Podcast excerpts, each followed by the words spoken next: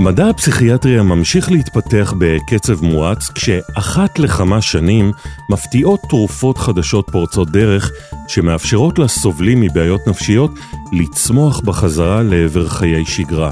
אז מהן האופציות התרופתיות לילדים החולים הפסיכיאטרים?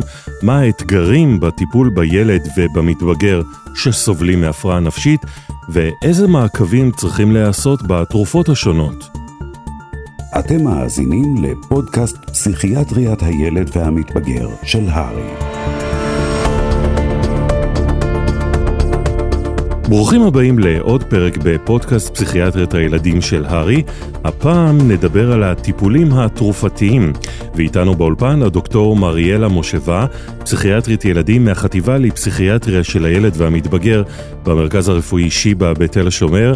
היי מריאלה. שלום. ונגיד שלום גם לדוקטור עמית שלו, מומחה לפסיכיאטריה של הילד והמתבגר מהמרכז הרפואי הדסה. היי עמית. אהלן. אז אה, אולי אה, נתחיל בשכיחות של הטיפול התרופתי בתחום הפסיכיאטריה בילדים. עד כמה זה שכיח? כי בניגוד למבוגרים, אני צודק אם אני אעריך שאתם לא ממהרים להשתמש בתרופות ומנסים קודם אופציות טיפוליות אחרות? אמת. אנחנו תמיד נעדיף טיפול שאינו תרופתי, אם הוא יכול להיות יעיל ומוצלח. יחד עם זאת, פעמים רבות אנחנו פונים לטיפול תרופתי, כי אנחנו מאמינים שהטיפול התרופתי יכול להוסיף. לגבי שכיחות, אה, אני לא בטוח אה, מה השכיחות המדויקת, כיוון שיש אה, גם תת דיווח, יש תרופות רבות שבכלל לא מאושרות לשימוש בילדים, ואנחנו כן משתמשים בהן כי אנחנו מוצאים את עצמנו בלי ברירה אחרת. אבל בהחלט פחות ממבוגרים. יש איזה כלל אצבע, מתי מתחילים טיפול תרופתי בילדים? אה, אז בעיקרון אני חושבת שכדי להתחיל את הטיפול התרופתי, אנחנו קודם כל, כמו שאמרנו, לא ממהרים, ואנחנו מעריכים את מידת החומרה של ההפרעה.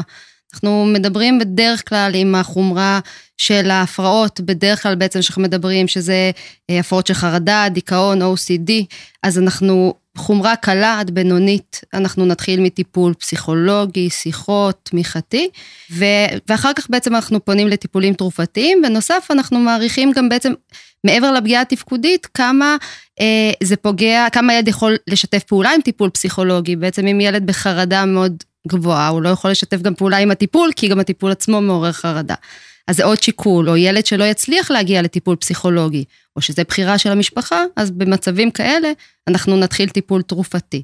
עמית, יש קונטראינדיקציות לתרופות אה, פסיכיאטריות בילדים?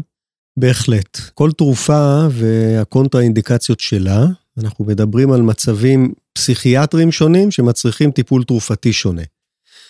לדוגמה, אה, מטופל שסובל מהפרעה ביפולרית, ממצבים מאניים, שנזקק לטיפול בליתיום או, בבל, או בוולפורל, אנחנו נרצה אה, להיזהר מכאלה שסובלים מבעיות כבדיות, כי נער או נערה עם בעיה בכבד לא יכול לקבל טיפול תרופתי בוולפורל.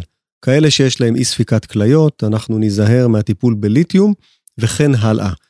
רוב המתבגרים לא סובלים מבעיות רפואיות לשמחתנו, זאת סוגיה שבמבוגרים הרבה יותר אה, נתקלים בה. אבל בהחלט יש תופעות לוואי מאוד שכיחות בחלק מהתרופות, לדוגמה התרופות הנוירולפטיות, אותן תרופות שנותנים קודם כל למצבים פסיכוטיים, למצבים אה, של התנהגות אגרסיבית, אלימות, אנחנו יכולים למצוא את עצמנו נותנים את הטיפול התרופתי בתרופות הללו, אבל התרופות האלה מעלות במשקל, כמעט בהגדרה. רוב הילדים שיקבלו סרוקוול, ריספרדל, זיפרקסה, יעלו במשקל וחלקם יעלו המון במשקל. אז אם מלכתחילה הם סובלים ממשקל יתר, מעודף משקל, אנחנו נרצה להיזהר. אני חושבת שיש גם עוד שיקול בעצם, זה גם תורשה במשפחה. נגיד יש לנו קבוצות כמו SSRI שהזכרתי קודם, שאם יש אה, תורשה של נגיד הפרעה ביפולרית לילד, זה תרופות שאחת התופעות לוואי, הן יכולות לעשות סוויץ' מאני, בעצם להכניס למאניה. ואם נגיד האבא של אותו ילד או ילדה, יש להם הפרעה ביפולרית, אז אני אהיה מאוד זהירה אם להתחיל רק תרופה מהמשפחה הזאת. אז כאילו יש עוד שיקולים שצריך לקחת בחשבון. לגמרי, ואם נוסיף uh, הפרעות נוספות, uh, לדוגמה בקצב הלב, mm-hmm. רוב התרופות הפסיכיאטריות משפיעות על קצב הלב.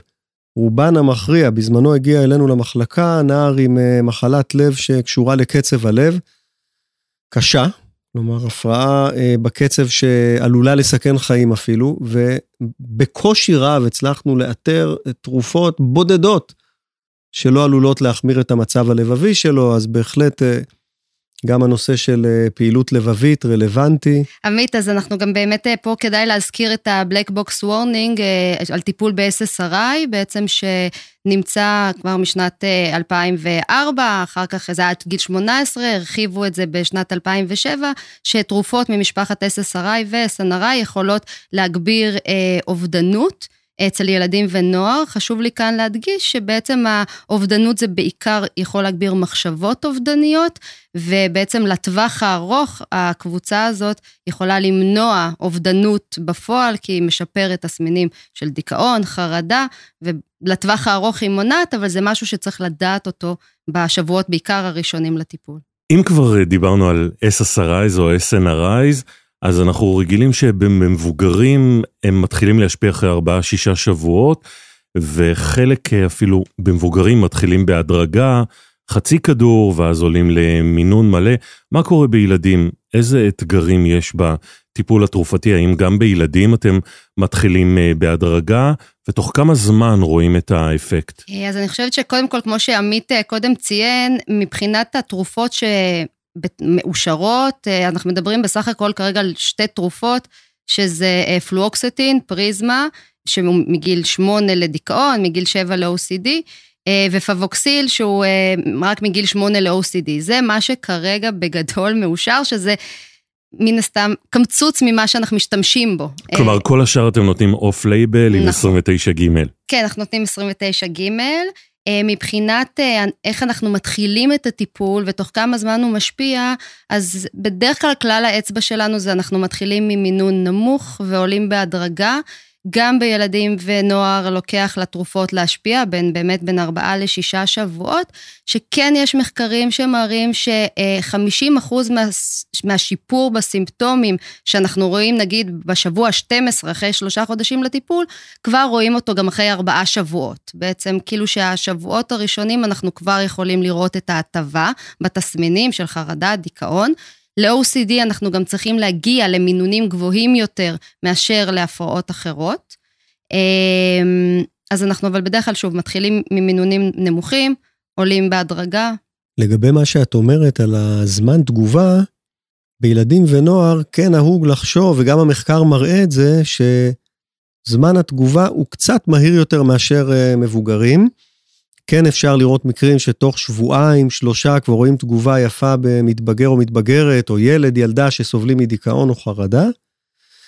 יש כאלה שיחשבו שזה קשור לחילוף החומרים המהיר יותר שאנחנו רואים בילדים, אה, הגעה לרמות בדם מהירות יותר, לדוגמה במבוגרים, אנחנו נבדוק אה, חמישה ימים אחרי תחילת הטיפול בליתיום את הרמה בדם. בילדים ונוער כבר אחרי ארבעה ימים אנחנו יכולים לראות את הרמות האפקטיביות. והעסק עובד מהר יותר.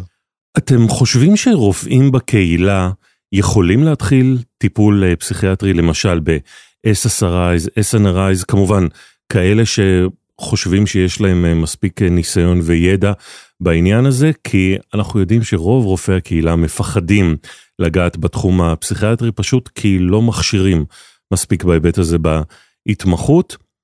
כי אנחנו גם יודעים שהתורים אליכם מאוד מאוד ארוכים, זה לא משהו שישתנה בקרוב, אז רופאים בקהילה יכולים להתחיל טיפול? שאלה גדולה וטובה. אה, אני חושבת ש... צריך את ההכשרה הנכונה כדי באמת להתחיל טיפול. היד קלה הרבה יותר על ההדק בפסיכיאטריה מבוגרים, להתחיל טיפולים ב-SSRI, ציפרלקס, אני חושבת שזה משהו שכל רופא משפחה היום באמת מתחיל. בילדים, אולי בגלל הקושי לאבחן הרבה פעמים את ההפרעה, הקומורבידיות הגבוהה שאנחנו רואים אצל ילדים, אה, נגיד הפרעות מופנמות כמו חרדה, דיכאון, ביחד עם הפרעות מוחצנות, הפרעות קשב, הפרעות התנהגות, אז מאוד קשה, אני חושבת שגם לאבחן ולראות בעצם מה ההבחנה הראשית שאנחנו רוצים לטפל, מה, מה הדבר שבסוף הכי פוגע בתפקוד של הילד, הכי מתסכל וגורם לקושי. אה, אה, אז אני, אז זה מצד אחד החסרונות. מצד שני, באמת, כמו שאמרנו, גם לוקח זמן לתרופות להשפיע. אז עד שבאמת יגיעו לפסיכיאטר, אז חבל לבזבז את הזמן. אה, ואני חושבת שעם הכשרה נכונה, רופאי משפחה או ילדים יכולים לתת את התרופות, כמו שנורולוגים היום נותנים אה, תרופות לקשב. אנחנו יודעים שיש היום אה, מגוון רחב מאוד של תרופות פסיכיאטריות. איך אתם בוחרים את התרופה הנכונה? טוב, אז זאת שאלה טובה. אה, יש פה מצד אחד, החיים שלנו קלים כפסיכיאטרים של ילדים, כי כמעט שאין תרופות שמאושרות לשימוש בפסיכיאטריה של הילד בילדים ונוער. אז מאוד קל לנו כי אין לנו מבחר מאוד גדול. מצד שני, זאת גם הבעיה שלנו, שאין לנו מבחר מספיק גדול, ופעמים רבות אנחנו, כמו שקודם אמרתם, אריאלה, אנחנו פונים לתרופות off label, מוציאים אה, אישורים חריגים, 29ג' וכולי. אבל בכל זאת יש בארסנל שלנו אי אלו תרופות, ועל מנת לבחור את התרופה הנכונה, אנחנו קודם כל צריכים לאבחן מה ההפרעה שבה אנחנו מטפלים. אנחנו עובדים על פי הנחיות אה, עולמיות, מה American Academy, מה NICE guidelines, ובדרך כלל, פר אבחנה, אנחנו יודעים מה תהיה התרופה הראשונה. לדוגמה, בדיכאון, אנחנו בדרך כלל נתחיל בפריזמה. היא היחידה שמאושרת, היא נחקרה הכי הרבה, אה, היא בטוחה, ככל שידוע לנו, נתחיל בה. בהפרעת קשב, אנחנו, אם נגיע לצורך בטיפול תרופתי, אנחנו בדרך כלל נתחיל ברטלין, כי היא יעילה, כי היא בטוחה, כי היא מאושרת, כי אה, מאוד, אה, היא מאוד אפקטיבית. במצבים פסיכוטיים, אז אנחנו נתחיל בריספרדל, כי הרבה פעמים זאת התרופה שהקופה מאשרת, גם תרופה שיכולה להיות יעילה.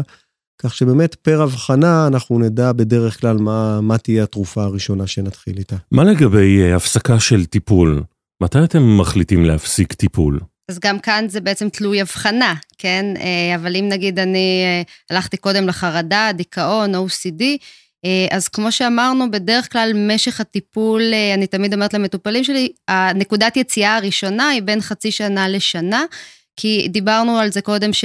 לוקח לתרופה להשפיע כחודש וחצי, אה, אחר כך אנחנו בעצם צריכים לשמר את, ה, את ההשפעה, את התפקוד, ובעצם על מנת למנוע אחר כך חזרה של הסימפטומים, הרבה פעמים קורה שילד או אומרים, אוקיי, אני מרגיש יותר טוב אחרי שלושה חודשים, מיד מפסיקים את הטיפול ואנחנו רואים מאוד מהר חזרה של הסימפטומים. אז כדי בעצם למנוע את החזרה, אנחנו צריכים טיפול יותר ארוך, כמו שאמרתי, בין חצי שנה לשנה, וגם פה זה תלוי אה, בעצם נגיד דיכאון, אם יש אפיזודות חוזרות, בכל אפיזודה חוזרת, אך נצטרך אה, טיפול למשך זמן ארוך יותר.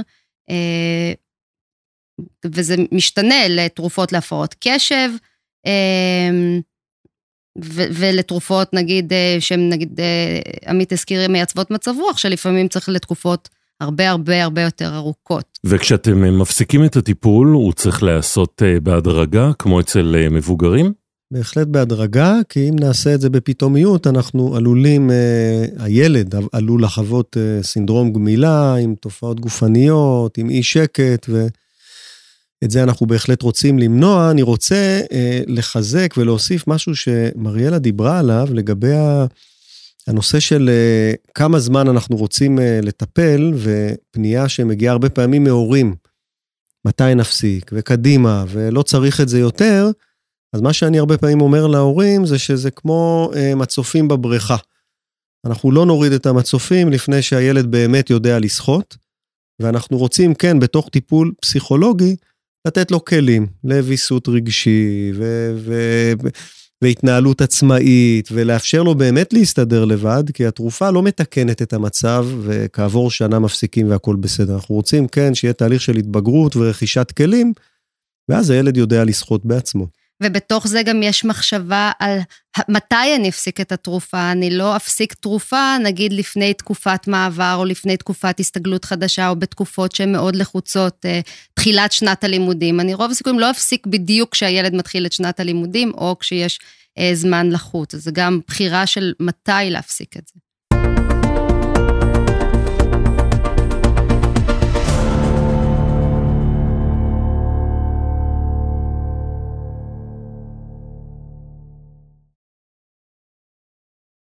במהלך אה, טיפולים אה, תרופתיים פסיכיאטריים יש צורך אה, במעקבים כלשהם או בבדיקות ניטור? אז בוודאי.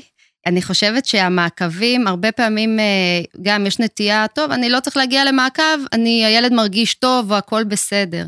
המעקב הזה חשוב גם באמת לבחון את הצורך בטיפול, את המינון המתאים, וגם בסוף ליצור קשר בין הפסיכיאטר לילד, למשפחה, כדי גם שההיענות לטיפול תהיה טובה יותר, ובסוף יש לזה השפעה אה, לטווח הארוך. וגם פה זה תלוי איזה תרופה אנחנו משתמשים, אני חושבת. אם אנחנו מתחילים בתחילת הטיפול של SSRI, שאמרנו שזה זמן שהוא יותר מועד לתופעות לוואי ולמחשבות אובדניות, אז יהיה מעקב יותר תכוף. אה, אחר כך אפשר לרווח אותו, כנ"ל לגבי טיפול להפרעות קשב.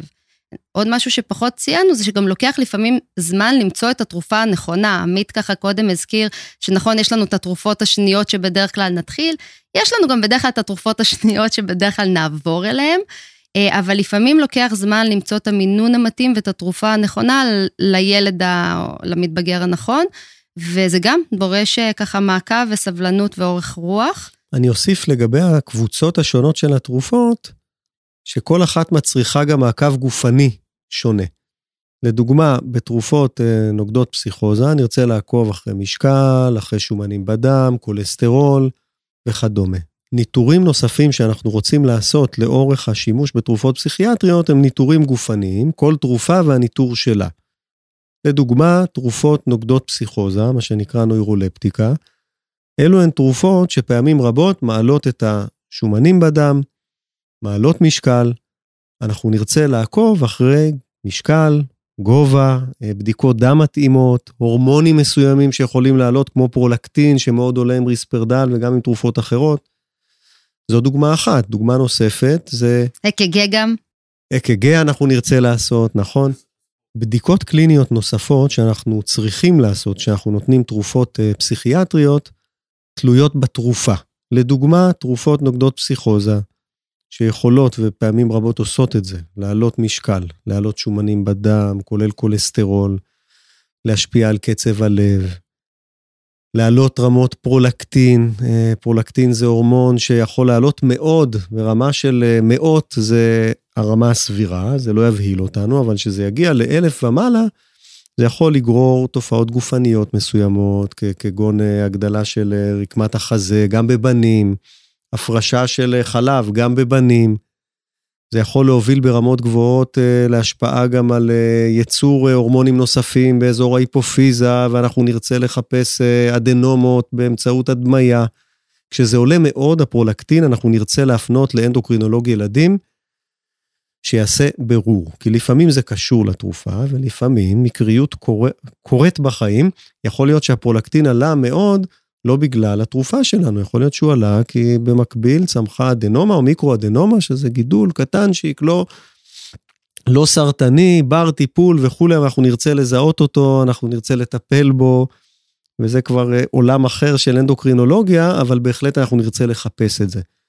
אז זה עם הנוירולפטיקה. אה, אם אנחנו ניקח את הסטימולנטים, שבראש הרשימה יש את הריטלין ואת האטנט, התרופות להפרעת קשב, הן גם יכולות לסכן במטופל שסובל מהפרעת קצב לב, אה, משפחה שיש בה מוות אה, פתאומי, פתאומי בעקבות אה, אירוע לבבי או הפרעת קצב, אנחנו נרצה לדעת את זה, אנחנו נרצה לעשות אק"ג לפני שאנחנו נותנים את התרופה.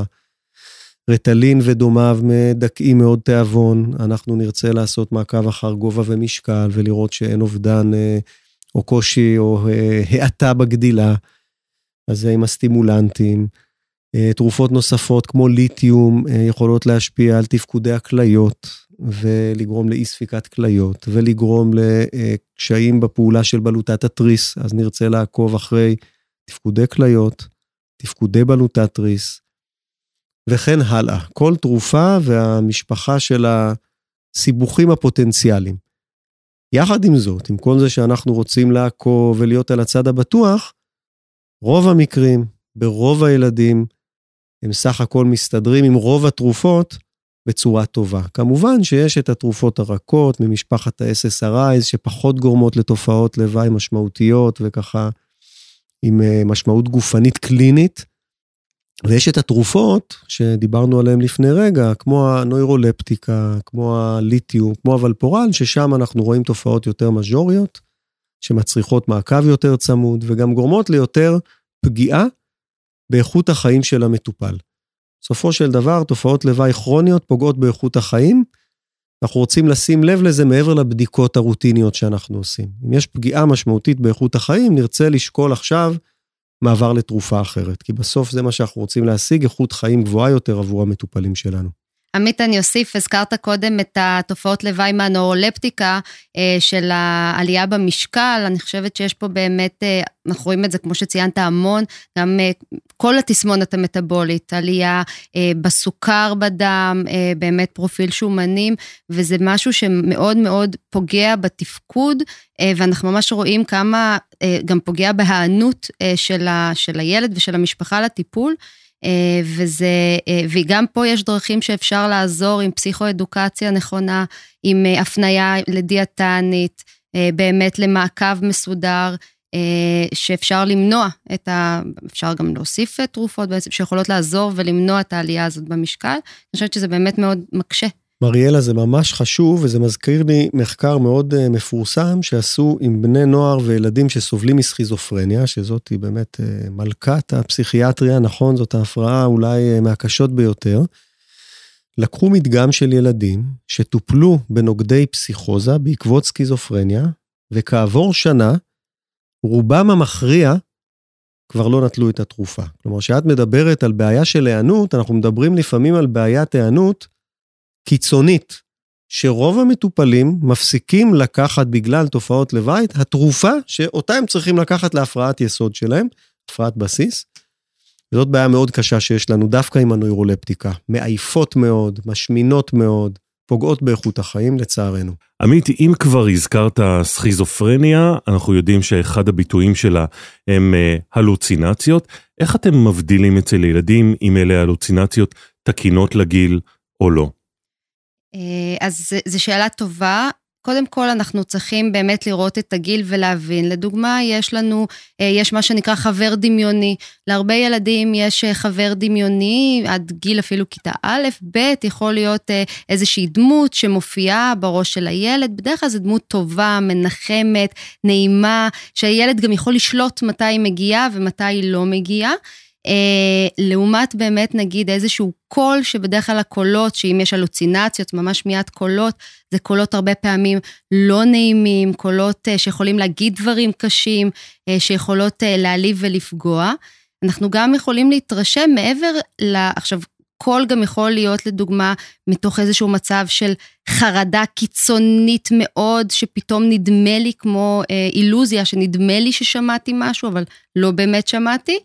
אה, וגם כשמיעת קול נקודתי, זה עדיין לא הופך להפרעה, כן? זה עדיין לא הופך לפסיכוזה או לאיזושהי הפרעה מסוימת.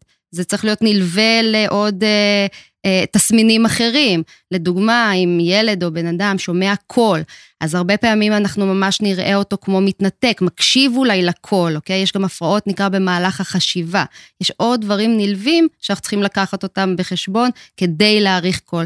הרבה פעמים זה גם ביטוי, בעיקר בילדים, שיותר שכיח אצלם הפרעות על הספקטרום של החרדה, מאשר על הספקטרום הפסיכוטי, כמו סכיזופרניה, אז זה ביטוי ל... יכול להיות חרטה בעוצמות מאוד מאוד מאוד קשות, שמגיעה עם איזושהי זליגה כזאת, נקרא לה פסיכוטית, אבל זה לא מצב כפסיכוזה.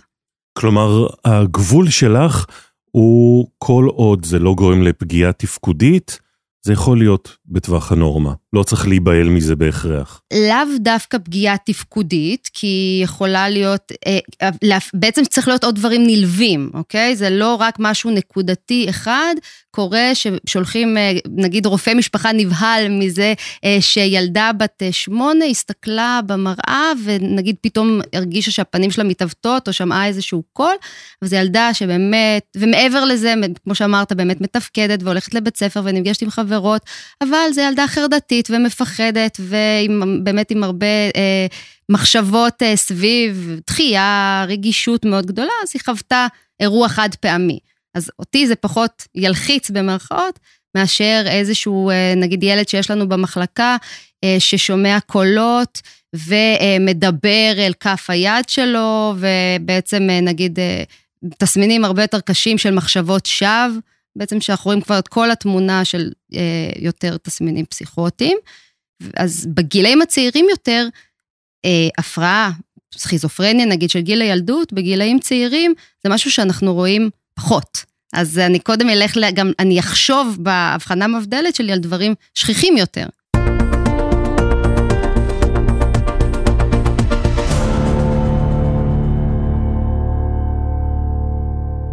בואו נדבר כמה מילים על OCD. אנחנו אחרי מגפת הקורונה, נקווה שהיא לא תחזור.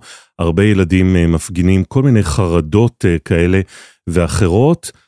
מתי אתם מחליטים להתחיל טיפול ועד כמה הוא יעיל, הטיפול התרופתי? תראה, איתי, אני חושב שברוב המצבים הפסיכיאטריים בילדים ונוער, בטח הרכים, אני רכים, אני מתכוון לחרדה, דיכאון, OCD, ובכל אה, נושא כזה, או בכל הפרעה מהסוג הזה, בוצע מחקר גדול ומכונן במסגרת ה-NIMH, האיגוד האמריקאי של הממשלה אה, לחקר הבעיות המנטליות. כל המחקרים האלה מצאו ששילוב של טיפול פסיכולוגי עם טיפול פרמקולוגי, תרופתי, הוא הטיפול היעיל ביותר. אם שאלת על OCD, אז אה, קודם כל OCD זאת הפרעה שיכולה להיות מאוד קשה. היא יכולה לגרום לסבל רב, לקשיים תפקודיים, לפעמים קשים מאוד, באופן כזה שההפרעה משתלטת באופן טוטאלי על חייו של הנער או הנערה וגם על החיים של המשפחה. וכאן אה, שוב פעם אתה מכניס את המושג הזה, הפרעה תפקודית, נכון? תראה, אני חושב שב-DSM, אם תקרא הבחנה הבחנה, תעבור על כל הספר, אתה תגלה שברוב מכריע של ההפרעות, כדי שנגיד שיש הפרעה, שנקרא לזה הפרעה מסוג כלשהו, צריכה להיות או פגיעה תפקודית, או מצוקה משמעותית. אני חושבת שזה בדיוק הגבול בין להגדיר, אפרופו הפסיכיאטריה, בין להגדיר משהו כהפרעה למשהו נורמטיבי, שקצת באמת ככה אמרת קודם. יכול להיות, יש והרבה ילדים חרדתיים, או עם דכדוך קל, אבל זה לא עונה על הפרעה.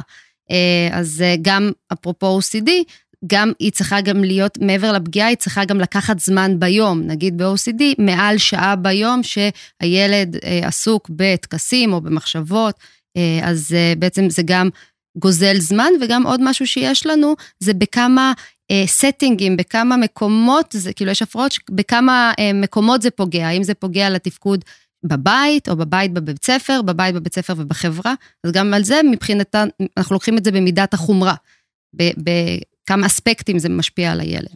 ולשאלתך, לגבי טיפול תרופתי ב-OCD, אנחנו יודעים מהמחקר ומהניסיון הקליני שטיפול תרופתי ב-SSRIs, שזאת המשפחה של הפריזמה ושל הלוסטרל וכולי, הוא מאוד יעיל במינונים גבוהים, כמו, כמו, כמו שקודם אמרה אה, מריאלה, אנחנו מגיעים למינונים גבוהים יותר מאשר בדיכאון, אבל משיגים יעילות גבוהה, בטח בשילוב עם טיפול פסיכולוגי ייעודי ל-OCD. זהו חברים, הגענו לסוף הפרק על הטיפולים התרופתיים בפסיכיאטרית ילדים. תודה רבה לדוקטור משה ו ודוקטור שלו. יש לכם אה, מסר לסיום? כן, איתי, אני חושב שאחד מהדברים שמונעים מילדים ונוער לקבל טיפול תרופתי, זה א', אה, חוסר מודעות של חלק מאנשי המקצוע שלא יודעים עד כמה זה יכול להיות life changing, אם טיפול תרופתי ניתן בזמן הנכון, במקום הנכון, במינונים הנכונים וכולי, אז זה דבר אחד שצריך להחזיק בראש. דבר שני, ואולי חשוב יותר, זה הנושא של הסטיגמה. אין סוף מקרים נמנע טיפול בגלל סטיגמה שמקורה בילד, בהורה, או אצל הרופא בקהילה. אנשים חוששים מאוד מעולם הפסיכיאטריה, ובמיוחד מהנושא של טיפול תרופתי פסיכיאטרי בילדים ונוער, וההימנעות הזאת ממתן טיפול בגלל הסטיגמה שמרחפת מעל, פוגעת ביכולת שלנו לעזור באמת לבני נוער. אני חושב שרופאי ילדים בקהילה צריכים להחזיק בראש את האפשרות הזאת. אני לא אומר שהם צריכים לחלק עכשיו אה, בסיטונאות אה, תרופות אה, פסיכיאטריות לילדים, אבל הם בהחלט צריכים עם ההכשרה הנכונה והליווי הנכון, להיות מסוגלים לתת את המעטפת ובטח להפנות לאנשי מקצוע אה, בעולם הפסיכיאטריה. המסר שלי מתחבר מאוד למסר אה, של עמית, אה, שבעצם אני חושבת שרוב הטיפולים שלנו הם בטוחים, הם יעילים, והרבה פעמים אני חושבת שעוד משהו שמונע את קבלת הטיפול, זה בגלל שזה סימפטומים נפשיים, רגשיים, שא', אנחנו לא יכולים למדוד גם את היעילות שלהם, למדוד את החומרה שלהם בדם, מבדיקת דם או בבדיקת הדמיה, אז גם קשה להעריך אה, כמה זה פוגע באמת בתפקוד, או כמה זה גורם למצוקה, ויש אפילו מחשבה שהילד עונה יכול לשלוט על התסמינים, או יכול, אה, זה בשליטה שלו. והרבה פעמים רואים שהטיפול התרופתי באמת מקל. אה, התרופות הן יחסית בטוחות ויעילות כשעושים את זה שוב בצורה שקולה ונכונה. ולטווח הארוך מחקרים, ואין המון מחקרים מאוד ארוכים בפסיכיאטרי ילדים, ארוכי, מחקרי אורך, אבל זה יש לזה, זה יכול להשפיע על הטראג'קטורי בעתיד של אותו ילד או מתבגר, אם הוא מקבל טיפול ואם הוא לא מקבל טיפול. אם לא מטפלים אה, בהפרעות, אה, כפי שצריך לטפל בהם ולא נותנים להם את הטיפול הנכון, והרבה פעמים טיפול פרמקולוגי, אז בעצם ההפרעה אחת יכולה להתפתח להפרעה שנייה. לדוגמה, אנחנו יודעים, ויש על זה הרבה מחקרים, ש-OCD קודם כל, הרבה פעמים ילדים מסתירים את התסמינים, בהתחלה הם מתביישים, לוקח המון זמן עד שילדים, בעיקר ב-OCD יש על זה הרבה מחקר, מגיעים לקבל טיפול עד שהם כבר מצוקה עולה עולה, ובאמת כל הסביבה כבר רואה את זה.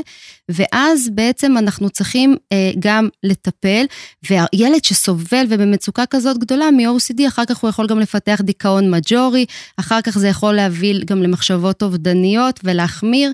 זה נקודה אחת. כנ"ל לגבי ילדים עם הפרעות קשב לא מטופלות, שזה אולי משהו יותר מדובר, אבל ילדים עם הפרעות קשב לא מטופלות, זה גורם להם באמת להרבה רמות של תסכול. התסכול הזה יכול לבוא ולהתבטא בצורה של אלימות והתפרצויות ודיכאון. אה, בעצם גם אה, בהפרעות התנהגות, יש ילדים שיכולים לפתח אחר כך הפרעות של דיכאון, חרדה, או לחלופין, זה גם יכול ללכת להתנהגות עבריינית של שימוש בסמים, באלכוהול, אה, אז אה, בעצם שלא מטפלים במשהו בסיסי אחד, זה אחר כך יכול ללכת אה, ולגדול, ובאמת הפער והנסיגה של הילד בתפקוד עם בני גילו יכול ללכת ו- ולגדול. אז נשאר לקוות שהתורים לפסיכיאטריה לא יהיו כאלה ארוכים, כנראה שזה לא ישתנה בשנים הקרובות. שוב, תודה רבה לכם, דוקטור מושבה ודוקטור שלו. עד כאן, כאמור, הפרק על הטיפולים התרופתיים בפסיכיאטריה בילדים. אנחנו מזמינים את הרופאות והרופאים וגם את הסטודנטים לרפואה להאזין לכל הפודקאסטים הרפואיים שלנו. תוכלו למצוא אותם בכל אפליקציות ההסכתים. תודה רבה על ההאזנה, ונתראה בפרק הבא.